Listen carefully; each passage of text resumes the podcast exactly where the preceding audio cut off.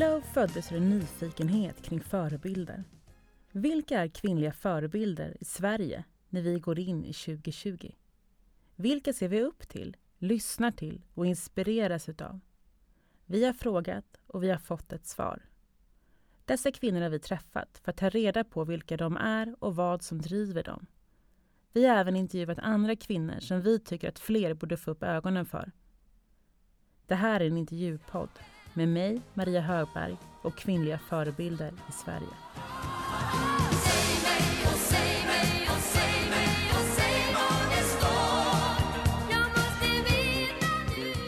Varför har vi människor känslor i alla dess färger och nyanser? Är det för att skada oss? Är det för att hjälpa oss? Glädje, nyfikenhet och överraskad.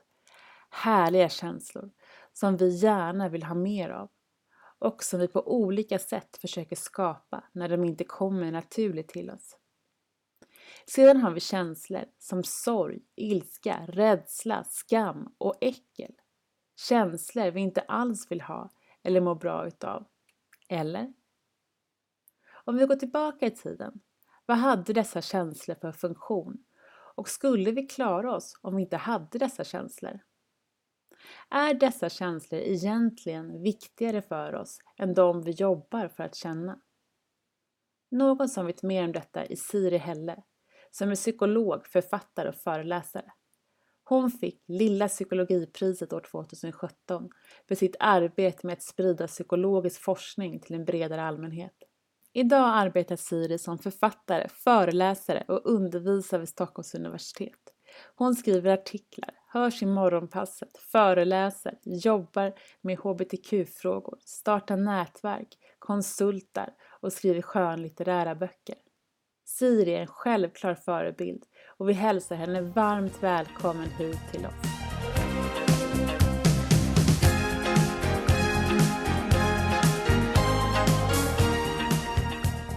Men hej och varmt välkommen hit! Tack så mycket! Jättekul att vara med. Ja, det ska bli jätteroligt att få prata med dig idag. Hur mår du idag? Jo, men jag mår fint. Det är mm. strålande väder ute. Det är fredag nu när vi spelar in, så det är bara bra. Ja. Har du några fredagsplaner framför dig? Nej, idag tänkte jag faktiskt bara ta en lugn hemmakväll och eh, komma ikapp lite mm. mentalt, så det ska bli skönt. Men man kan nästan känna det tycker jag när hösten kommer, att man också kan ha sådana här lugna kvällar. På sommaren så tycker jag att då behöver man boka in så mycket för man ska ta tillvara på allt. Men på hösten så kan man komma ner i lite lugnare tempo. Mm, jo men verkligen. Bara äta mm. jättemycket snacks ska jag göra. Ja, oh, men gud det låter ju hur härligt som helst. Men nu ska vi fokusera lite mer på dig. Och du är ju utbildad psykolog vid Stockholms universitet, som vi också har hört i beskrivningen. Eh, när visste du att du ville bli psykolog? Men jag har nog alltid varit intresserad av psykologi. Jag vet att när jag växte upp så älskade jag att läsa självhjälpsböcker. Mm. Så jag verkligen slukade så Mia Törnblom och Henrik Fexeus och sådär. Mm. Eh, och sen så, nu så här i efterhand, när jag har läst ganska mycket psykologi, så vet jag att alla de råden kanske inte riktigt var forskningsbaserade. Eh, men ändå, tyckte det var så intressant. Men jag vet inte, sen har jag nog aldrig tänkt att jag skulle bli terapeut. Utan jag, jag minns väldigt starkt minne från när jag gick i gymnasiet, så hade vi en lektion i studieteknik med vår lärare. Eh, och så visade han en, en graf och sa så att det är väldigt viktigt att ni repeterar det ni lär er här på lektionerna. För om ni inte gör det så kommer ni glömma bort 70 procent. Mm -hmm av det som ni har lärt er. Så är det viktigt att ni repeterar det här eh, först efter en dag, efter en vecka och efter en månad. Och sen kommer det sitta som berget. Och då tänkte jag så här, herregud, om ni nu står här framme och vet att vi kommer glömma 70% varför har ni då inte lagt in det i undervisningen, att vi ska ha repetitioner? För jag mm. såg mig omkring och eh, eh, tänkte så här, vi kommer ju inte repetera det här. Och på något sätt var det där det väckte en tanke om att varför bygger vi inte skolsystemet eller ja, arbetslivet eller våra samhällen efter hur vi vet att människor funkar psykologiskt. Men vilken otroligt mogen tanke! Ja, jag, var, jag var ganska lillgammal. Ja. För jag tänker Nej, att det- många det liksom, liksom- hade nog tänkt så här, okej då ska jag göra det här. Medan du då tänker, men varför har ni byggt undervisningen så här? Just det. Jag ja, blir det imponerad kanske- redan här. Ja, och jag föreslog också eh, för lärarna att så här, men ska ni inte lägga in lite repetitioner? Eh, det var ju inte så populärt då eh, från de andra eleverna att istället för att vi då skulle eh, titta på film sista veckan på terminen så skulle vi istället då ha repetition. Eh, Men ja, Mm. då började, i alla fall så började jag fundera över det här och kom fram till att jag ville lära mig den forskningen som finns om hur vi människor funkar och sen använda den för att bygga ett människoanpassat samhälle. Och då, då, då var det liksom psykologiprogrammet som du kände var rätt. Ja, men eh, jag var på, någon, på högskolemässan eh, och så var det en föreläsning om psykologprogrammet och de sa eh, alla människor är hobbypsykologer, bli psykolog och jobba med din hobby. Så ja, jag var väldigt intresserad av psykologi och sen på psykologprogrammet så får man ju inte bara lära sig psykologi i största allmänhet utan det handlar ju mycket om behandling av eh, psykiatriska problem och psykisk ohälsa. Så att Mm. det var ju någonting jag fick på köpet kan man säga. Mm. Vad tyckte du om den biten av utbildningen då? Superspännande. Just eftersom det är så himla vanligt eh, att ha olika typer av psykisk ohälsa. Det är ju någonting man har börjat prata mer om först på senare år, att det har blivit mer avstigmatiserat att prata om det. Mm. Så man förstår ju verkligen eh, sig själv och andra på ett annat sätt när man har den kunskapen. Så det är väl kanske det som har blivit annorlunda än jag hade tänkt mig. Att nu jobbar jag ju också deltid som behandlande psykolog med KBT-behandlingar av depression och ångest. Mm. Och det är väldigt givande. Och vilken typ av klienter eller patienter, vad säger man, klienter, patienter? Ja, jag har eh, patienter. Du har patienter? Precis, jag jobbar Mm. på en eh, specialistmottagning för svår ångest och svår depression. Ja. Och liksom, vi- vi- vilka är det som du, som du får in där som du hjälper? Det är alla möjliga. Det skulle kunna vara du, det skulle kunna vara eh, din kompis. Eller, eh, för, för det är ju verkligen något som kan hända vem som helst. En tredjedel av alla människor får ju en depression någon gång under livet. Mm. Och vissa får det flera gånger. Så det är verkligen alla möjliga. Mm. Men personer som jag träffar har ju då ofta eh, liksom gått i behandling tidigare, men att den inte har gett tillräckligt med resultat. Så då kommer de till den här specialistmottagningen. Och hur ser en, liksom en sån eh, behandling ut om man, om man kommer till dig där? Mm. Eh, på den mottagning där jag jobbar, eh, WeMind heter den, de har ju sån specialitet att de erbjuder evidensbaserad psykiatrisk vård, vilket alltså är de metoder som forskning visar funkar bäst för flest. Så där till exempel så är rekommendationen att man ska få just KBT vid eh, ångestsyndrom och eh, depression. Så att det är KBT som jag jobbar med. Och det är ju eh, en ganska speciell behandlingsform, sä- säger folk som har gått det. Att ofta när man tänker på terapi så tänker man att man kanske går och pratar med någon en gång i veckan. Att Mm. gå till eh, en KBT-psykolog är lite mer som att gå till en eh, eh, fysioterapeut eller en PT. Att man får sina övningar, men sen handlar det om att träna på det här i vardagen, mellan gångerna. För att det är där som den stora förändringen sker. Mm. Precis, där, där, är liksom, där, där får man verktyg när man är hos dig och sen så gör man själva utvecklingen mellan gångerna. Exakt. Ja. Exakt.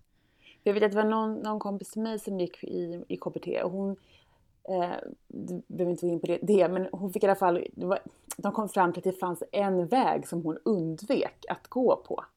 För att där blev hon påmind om, om en viss händelse. Och hon fick då i uppgift att gå närmare den här vägen och till slut så kunde hon gå den vägen och då inte förknippade det med eh, det fallet som hon var där för. Mm, mm, precis. Det skulle kunna vara sån där, verkligen en klassisk eh, eh, hemuppgift i KBT, att träna på något sånt. Mm. Man kan ju säga generellt att när man har ångest, ångest är ju kroppens eh, larmsystem, eh, att man borde så här, fly eller fäkta. Men det kan hända att det larmsystemet blir felkalibrerat så att man eh, får liksom en sån här alarmsignal också i situationer som egentligen inte är farliga. Mm.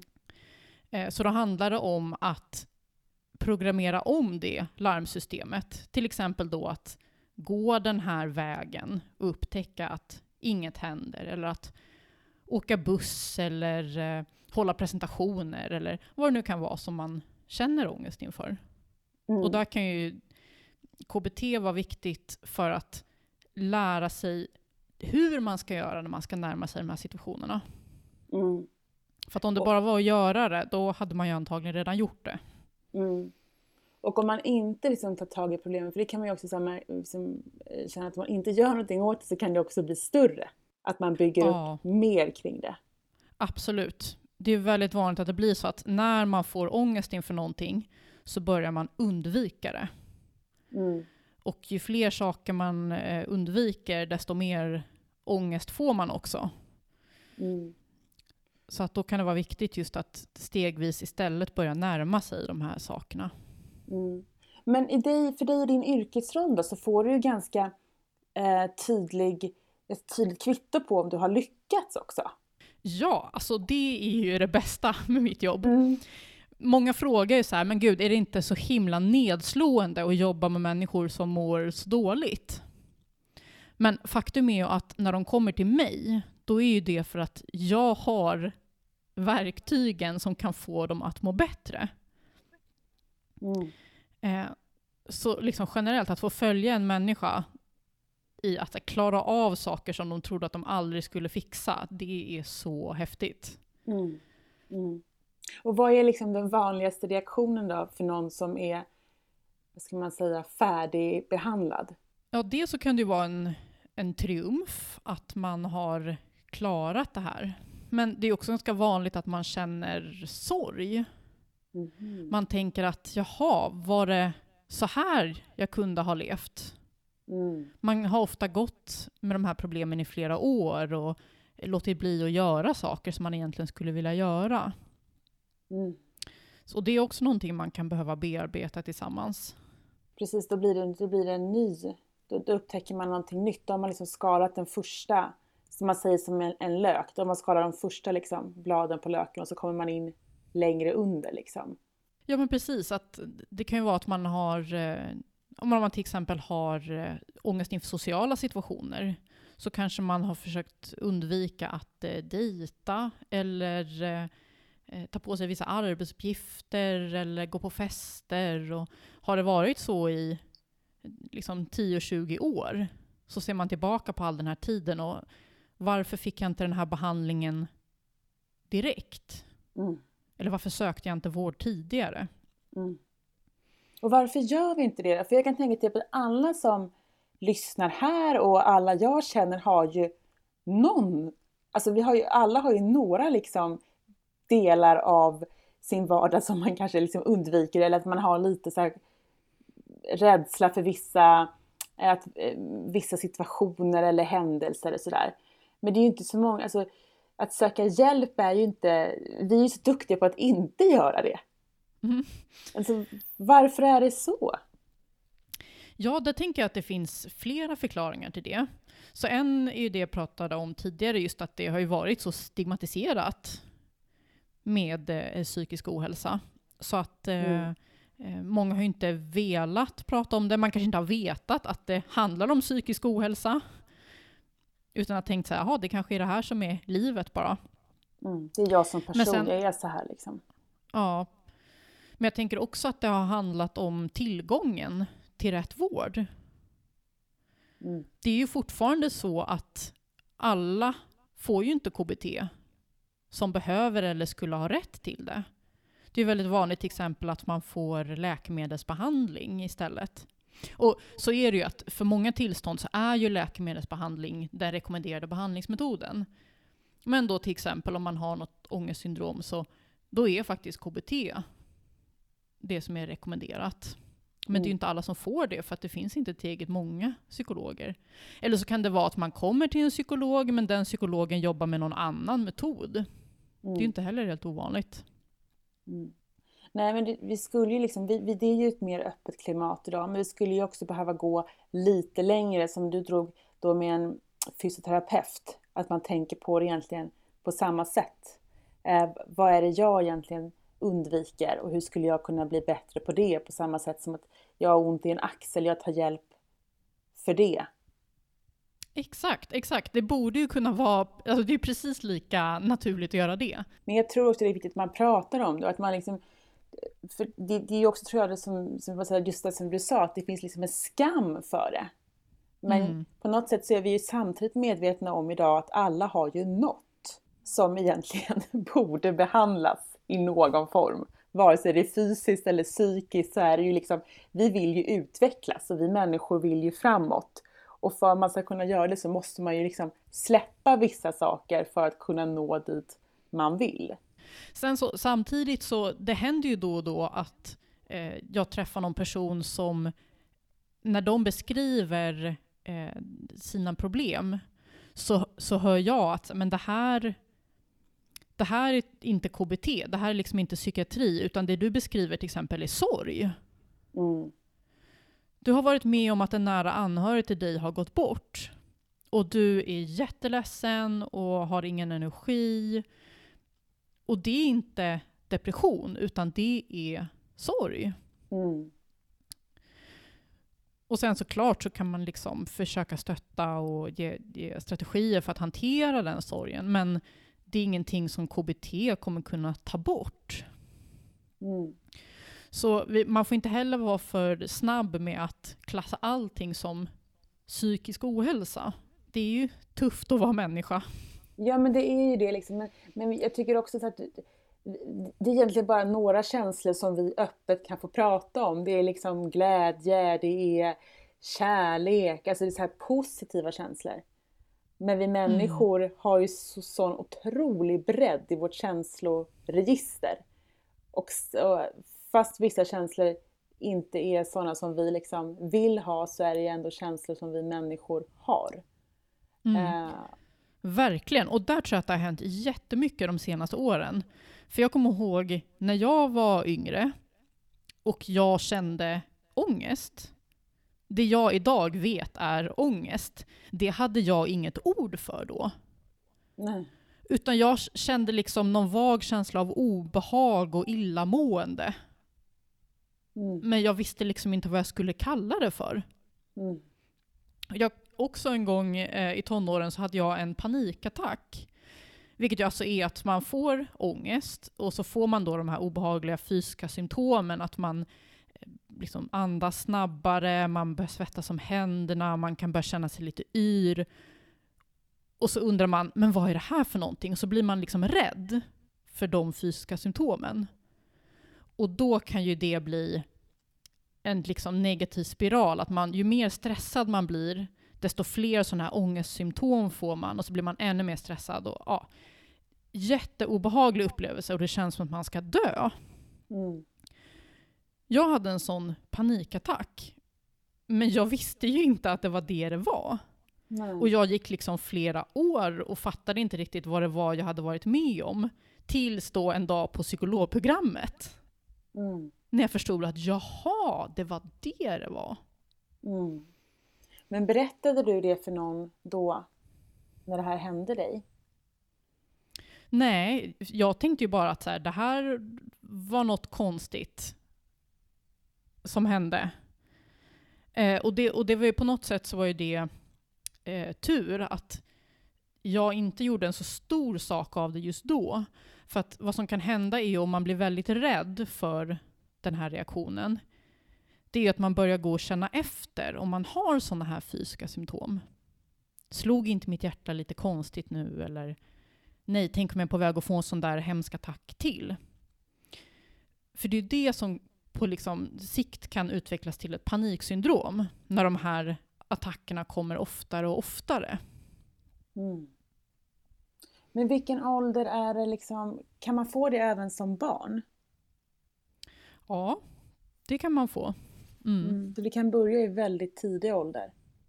Ja, Och det är väl det som, liksom att hjärnan kan inte heller sortera ut, om man tänker sig att hjälp, jag vill inte ha en panikångestattack, så kan inte hjärnan sortera, jag vill inte, utan den tänker panikångestattack.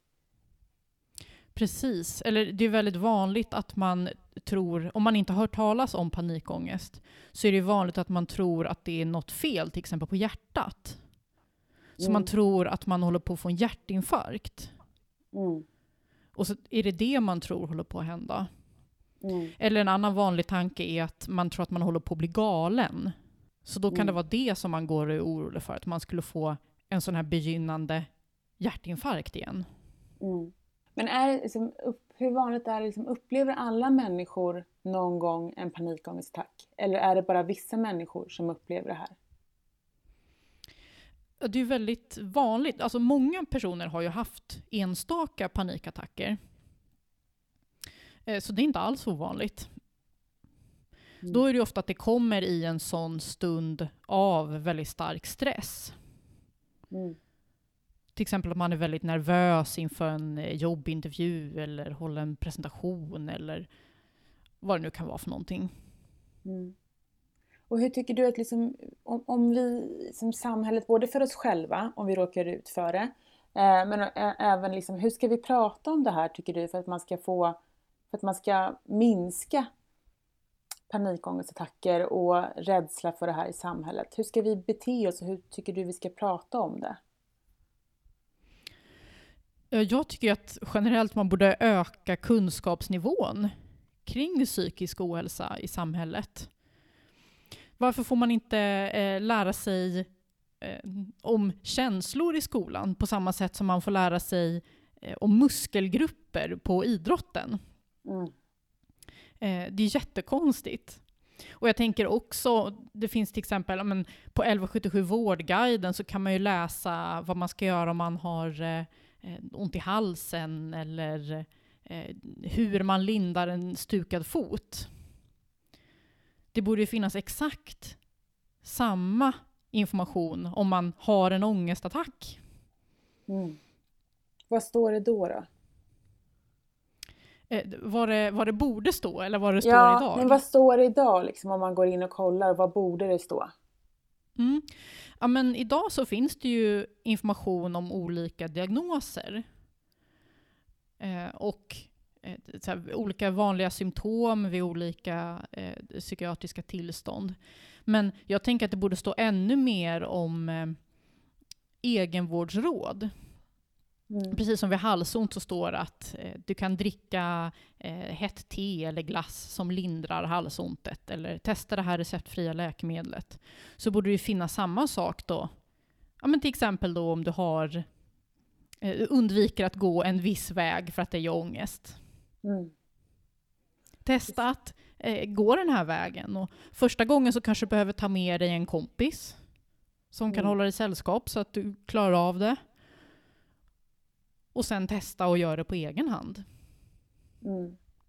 Och om man känner att man håller på att få en panikångestattack, hur ska man, hur ska man då eh, stoppa den? Ja, jag tänker att det viktigaste är väl att veta att det inte är farligt med panikångestattacker. Det kan kännas väldigt, väldigt obehagligt. Eh, Det kan kännas som att man håller på att dö, men de är inte farliga. Så att om man vet att det är en panikångestattack så kan man ju nästan låta det hända. Det brukar Ja. gå över på så här 10-15 minuter. Men såklart, det är ju som sagt då väldigt obehagligt. Så vad man också kan göra är att försöka andas lugnt. Jag vet inte om du har hört det andas i fyrkant? Ja, precis. Mm, så det är ju ett sätt att lugna ner sin andning. Så att istället det- för att hyperventilera så försöker man andas långsamt. Ja. Men, men ska man tänka sig då en fyrkant framför sig? Att man, är det det som är andas i fyrkant? Ja, det heter andas i fyrkant för att man gör då, först så andas man in, Mm. och sen pausar man, och sen andas man ut, pausar. Och då kan man mentalt föreställa sig att man följer en, liksom kanten på en kvadrat. Så andas in, paus, andas ut, paus. Och poängen Mm. med den här pausen är för att man inte ska få i sig för mycket syre. För att det är, när man har en panikattack och hyperventilerar så brukar man få i sig så mycket syre så att man får ett syreöverskott. Och det är det som gör att man får yrsel. Så många upplever att de håller på att kvävas och få andnöd. Men faktum är att det är precis tvärtom. Man får i sig alldeles för Mm. mycket syre. Det är därför på amerikansk film som de alltid sitter och andas i papppåsar när de är stressade. Det är samma Mm. sak, att man försöker få i sig mindre syre. Okej, så, men bara det tänker jag ju lugnar en. Nu har jag för mycket syre. Alltså bara Ja. det, bara kunskapen om det egentligen. Ja, exakt. Att precis. Det känns som att eh, jag får i mig för lite luft, men det är precis tvärtom. Ah. Många tror ju också till exempel att man kan svimma av panikattacker för att man känner sig sådär yr. Men svimma, det gör man när man har för lågt blodtryck. Mm. Och när man har en panikattack, då höjs blodtrycket så det är mer än vad man brukar ha. Så att man kan Mm. faktiskt inte svimma då. Vad har vi lärt oss lite liksom? Kring det. Ja. Att Ja, men det, nej, men det är det som är så fantastiskt egentligen bara som med, med att förstå hur hjärnan och kroppen fungerar så blir det liksom mer rationellt också i det. Eh, istället för att man just som du säger går runt och tänker att men herregud nu är jag galen. Mm, mm. Utan nej, kroppen är inte galen. Det finns väldigt mycket funktioner som beror på väldigt mycket då historiskt sett vilket fungerar på det här sättet i vår värld idag egentligen. Ja, exakt. Och, och nu har ju vi bara pratat om eh, eh, panikångest, men precis samma saker kan man ju tänka på när det gäller att hantera stress, att hantera oro eller eh, att känna sig deppig. För alla de här sakerna så finns det olika saker man kan ta till Mm. för att hantera och må bättre. Så, Ja. och det tycker jag att det borde ju alla få lära sig. Ja, men det är så, stress har man ju hört ganska mycket om att det är sån här överlevnadsinstinkt, men just deppig, vad är Mm. det? Ja, ehm, det finns olika teorier om varför man blir eh, nedstämd. Eh, en teori är att ofta så blir man ju nere när man har haft en förlust av något slag. Det kan ju till exempel vara att någon har gått bort eller någon har gjort slut eller man har blivit av med jobbet eller någon annan förändring i livet. Mm. Och vad som händer då är att man brukar tappa energi. Man brukar känna sig trött och orkeslös och att det som man tidigare tyckte var roligt inte känns så kul längre. Och då finns det en eh, hypotes att det är för att när vi människor du vet, levde på savannen, att, att vi blev av med saker, att vi förlorade anhöriga, det var ett tecken på att det var en väldigt farlig tid. Mm. Och då är det bra att man drar sig tillbaka, kanske gömmer sig i någon grotta eller någonting och slickar såren Mm. och ligger lågt tills det har blivit mer säkert där ute igen. Mm. Men ja, det, det är en teori i alla fall. Mm. Men, men vad som händer när man börjar bli deppig och eh, liksom tappar lusten att göra saker, det är ju tyvärr att de där sakerna som brukar ge en energi, att träffa kompisar eller eh, eh, hålla på med en hobby eller vad det nu kan vara för någonting. Det tappar man lusten att göra. Och till slut så blir det då en negativ spiral där man har färre och färre saker i vardagen som ger en glädje eller får en att känna sig sådär duktig och stärkt. Mm. Så att man får liksom mindre och mindre livsglädje helt enkelt. Och till slut så kan det gå så långt så att man undrar så här, vad är poängen med att leva när det ska vara så här? Mm.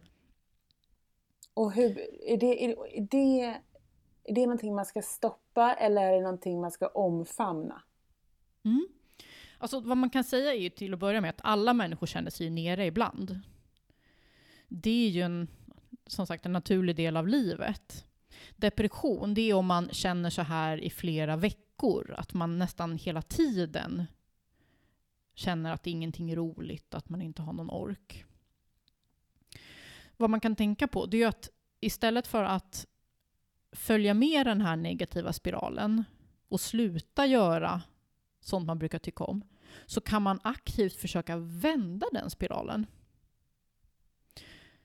Så även om ens känslor talar om för en att det är ingen idé att du går på den här festen för att eh, det kommer ändå inte vara kul, så tänker man att men jag brukar ju faktiskt tycka om att gå på fest.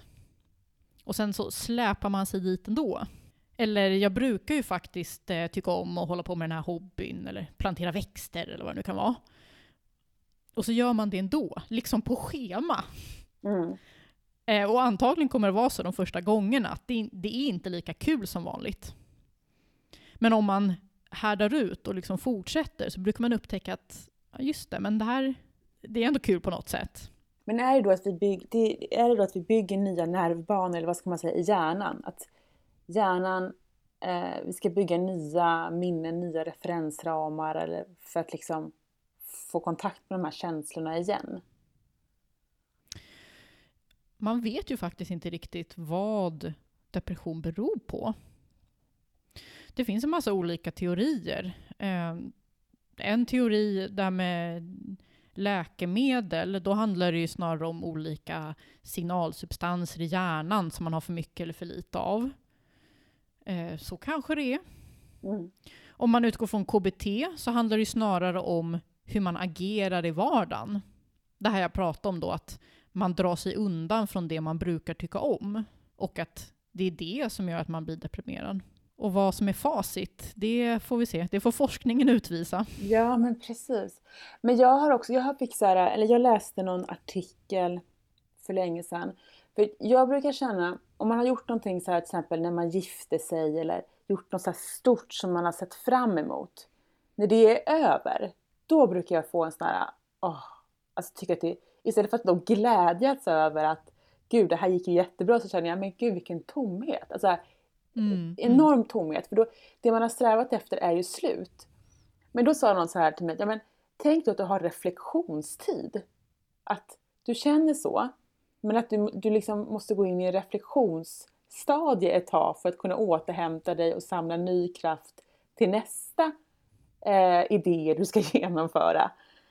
Och då kände jag att det lät mycket finare. Eller så liksom, mm, just det. Det kändes, ja. bara det förhållningssättet. Istället för att jag säger då så här, typ, nej men jag känner mig deppig. Så här, nej men jag känner, nu är jag i reflektion. Nu är hela min kropp ska lära sig någonting. Den behöver reflektera, den behöver lära sig någonting av det som har hänt. Och bara det förhållningssättet till den här obehagliga känslan av tomhet eh, blev lättare att hantera.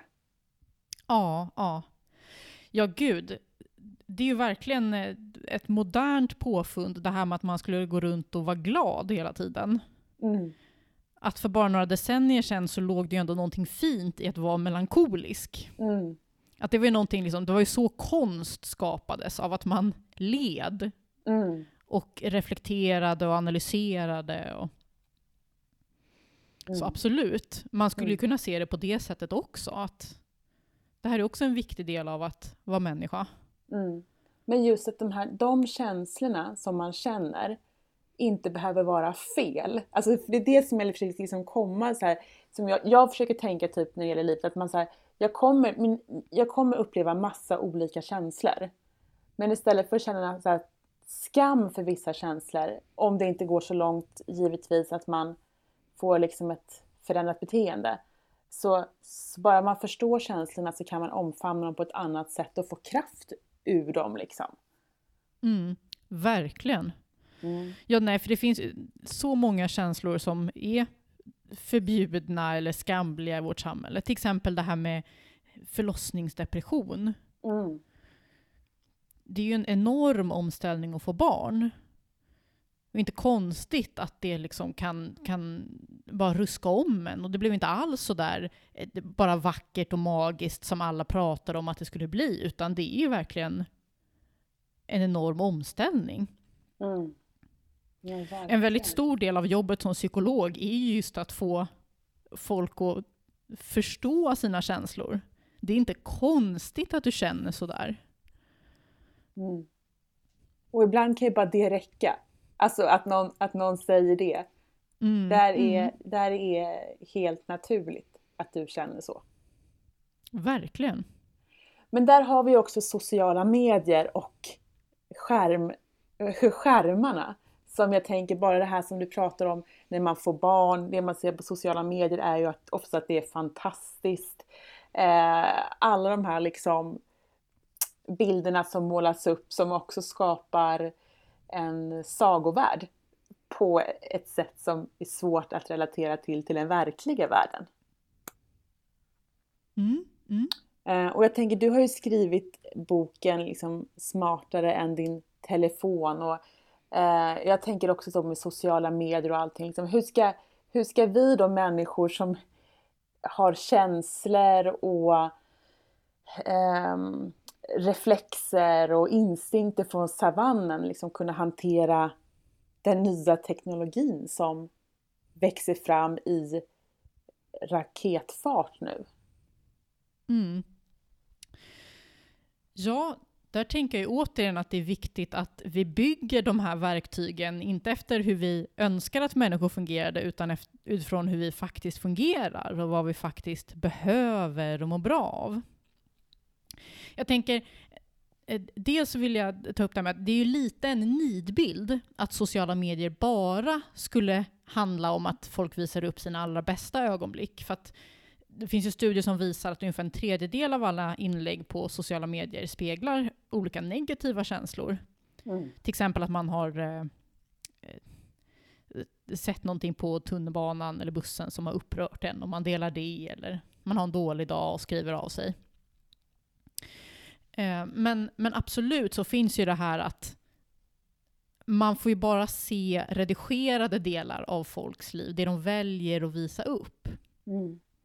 Och det kan såklart väcka mycket, eh, mycket avundsjuka eller komplex att man tänker varför ser inte mitt liv ut sådär?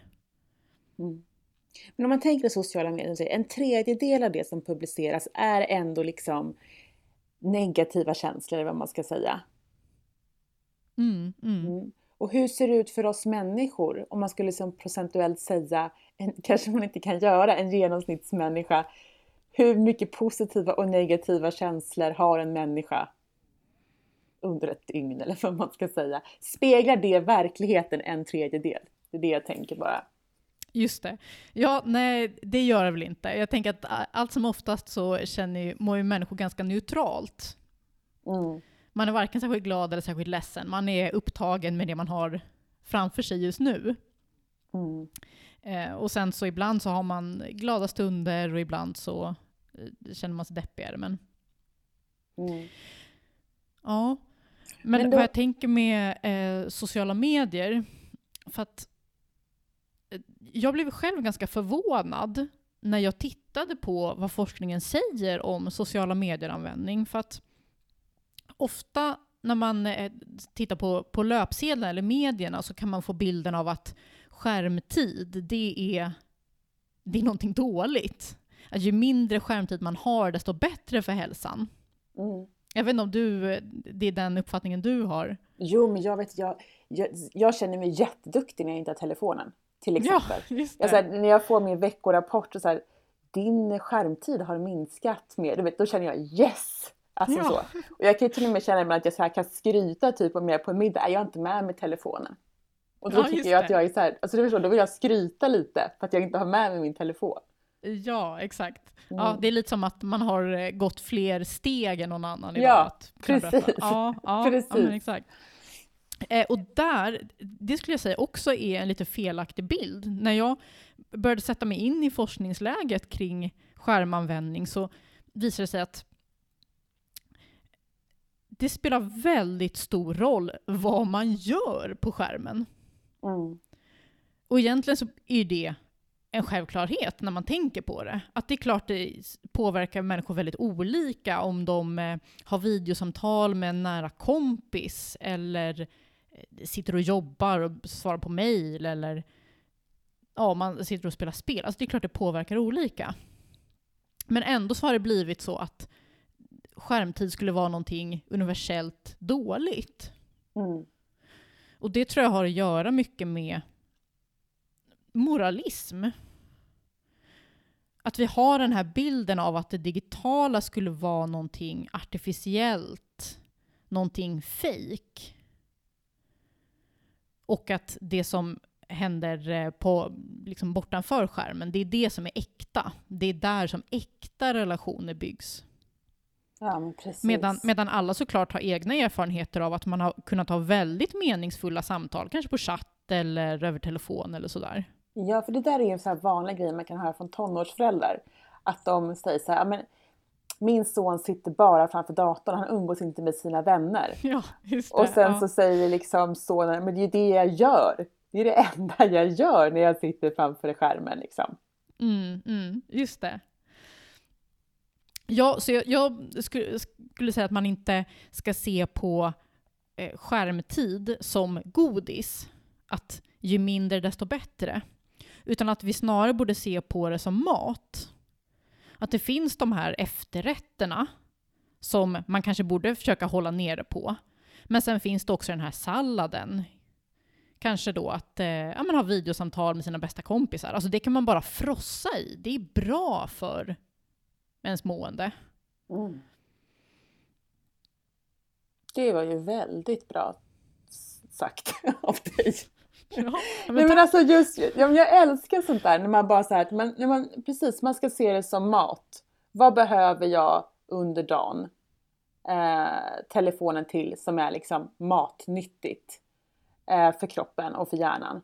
Och sen så kan jag liksom slänga in lördagsgodiset någon Mm. gång ibland.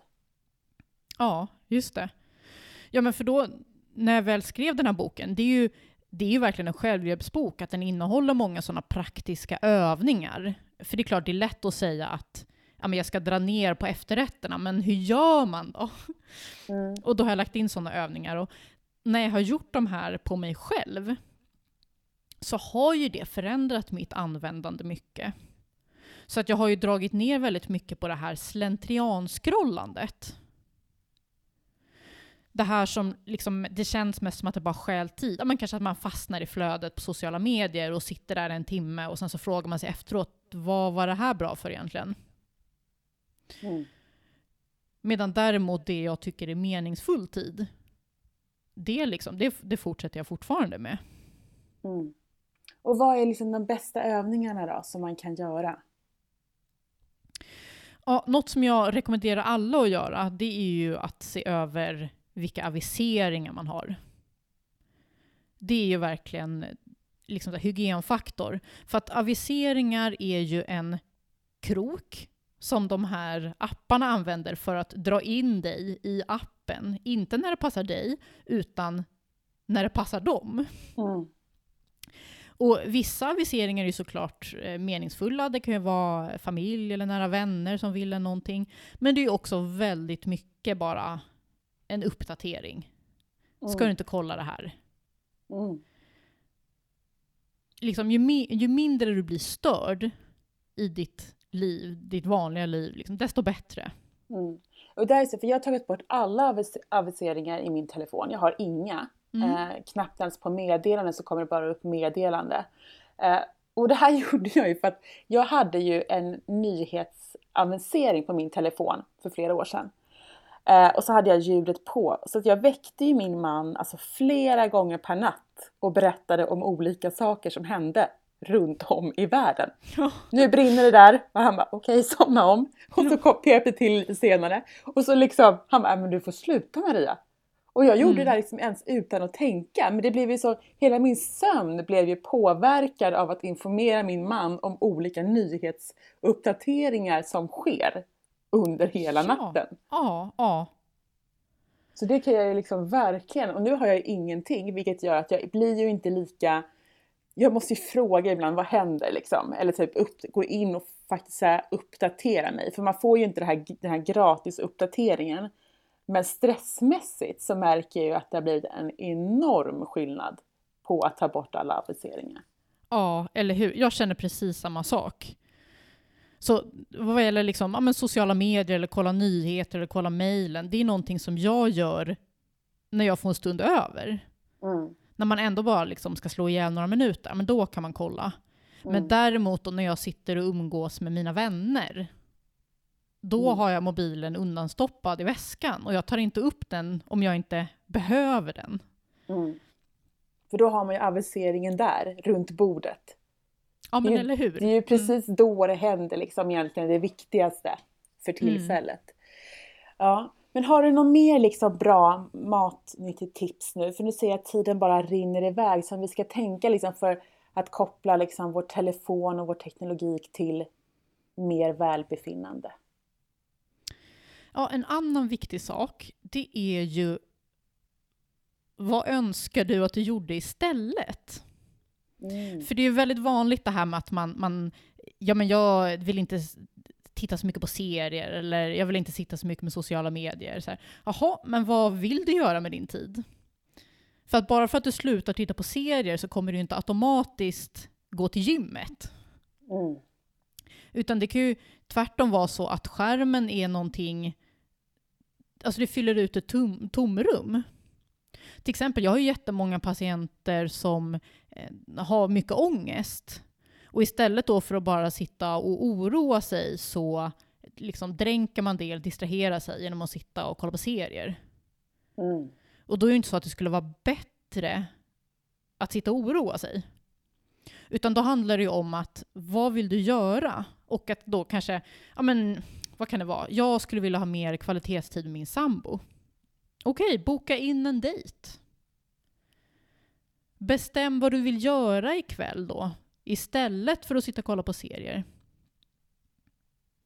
För det brukar vara mycket mer effektivt att att konkurrera ut en ovana snarare än att bara försöka sluta med den. Precis. Vad vill man göra istället för vad ska jag sluta med? Mm, exakt. Och vad är det då så här, vi människor mår bra av? Eh, relationer är ju en. Absolut, relationer. Mm. Va- att göra saker för andra Ja, precis. mår vi bra av. Eh, och det kan ju vara liksom att i, relationer att finnas där för någon annan. Men eh, också saker att eh, volontärarbeta.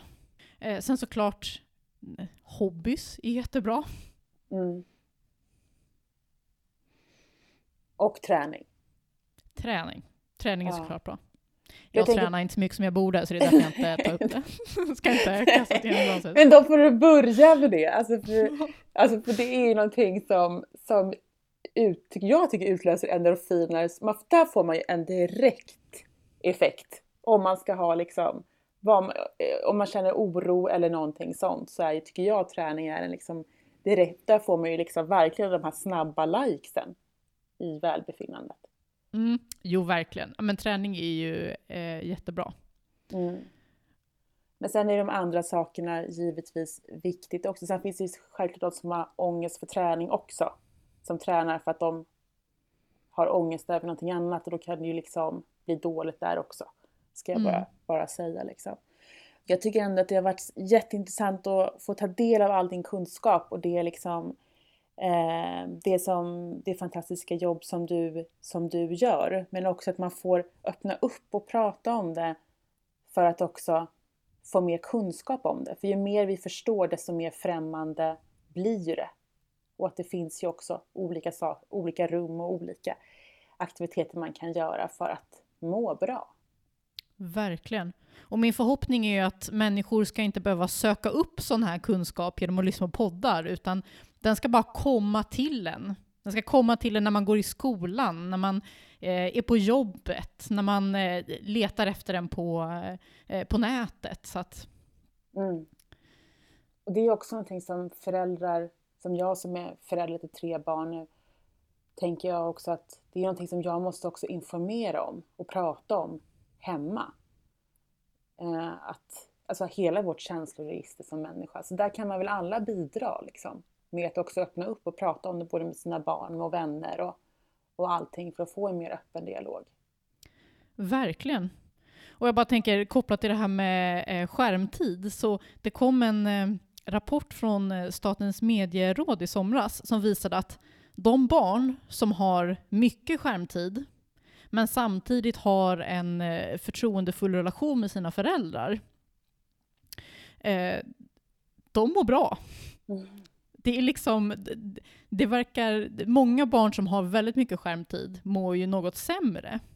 Men inte om man har mycket skärmtid och samtidigt har en god relation med sina föräldrar. Så mycket handlar nog om att liksom kunna, kunna få stöd i och, och prata om någonting skulle vara jobbigt eller om man vill ha hjälp med någonting. Mm. Mm. Så det är bra, satsa på relationen. Precis, inte så mycket fokus på att sätta regler kring skärmar, utan sätta fokus på att få en bra relation med sina barn istället. Mm. Och sen är det lättare sagt än gjort. Då, då får man läsa en annan självhjälpsbok. Ja, precis. Men det är också det som gör, nu får vi utvecklas. Så det är ju liksom, vi kan ju inte ha det för lätt här i världen heller, då blir vi ju uttråkade. Eller hur? Ja. Men du, tack så jättemycket för att vi fick ta den här tiden att lära känna oss bättre som människor. Ja, men tack själv, det var jättetrevligt. Så får jag önska dig en fantastisk fredag. Mm, detsamma, ha det gott! Hej! Det här var allt från intervjun med Siri Helle och jag önskar er en fantastisk dag.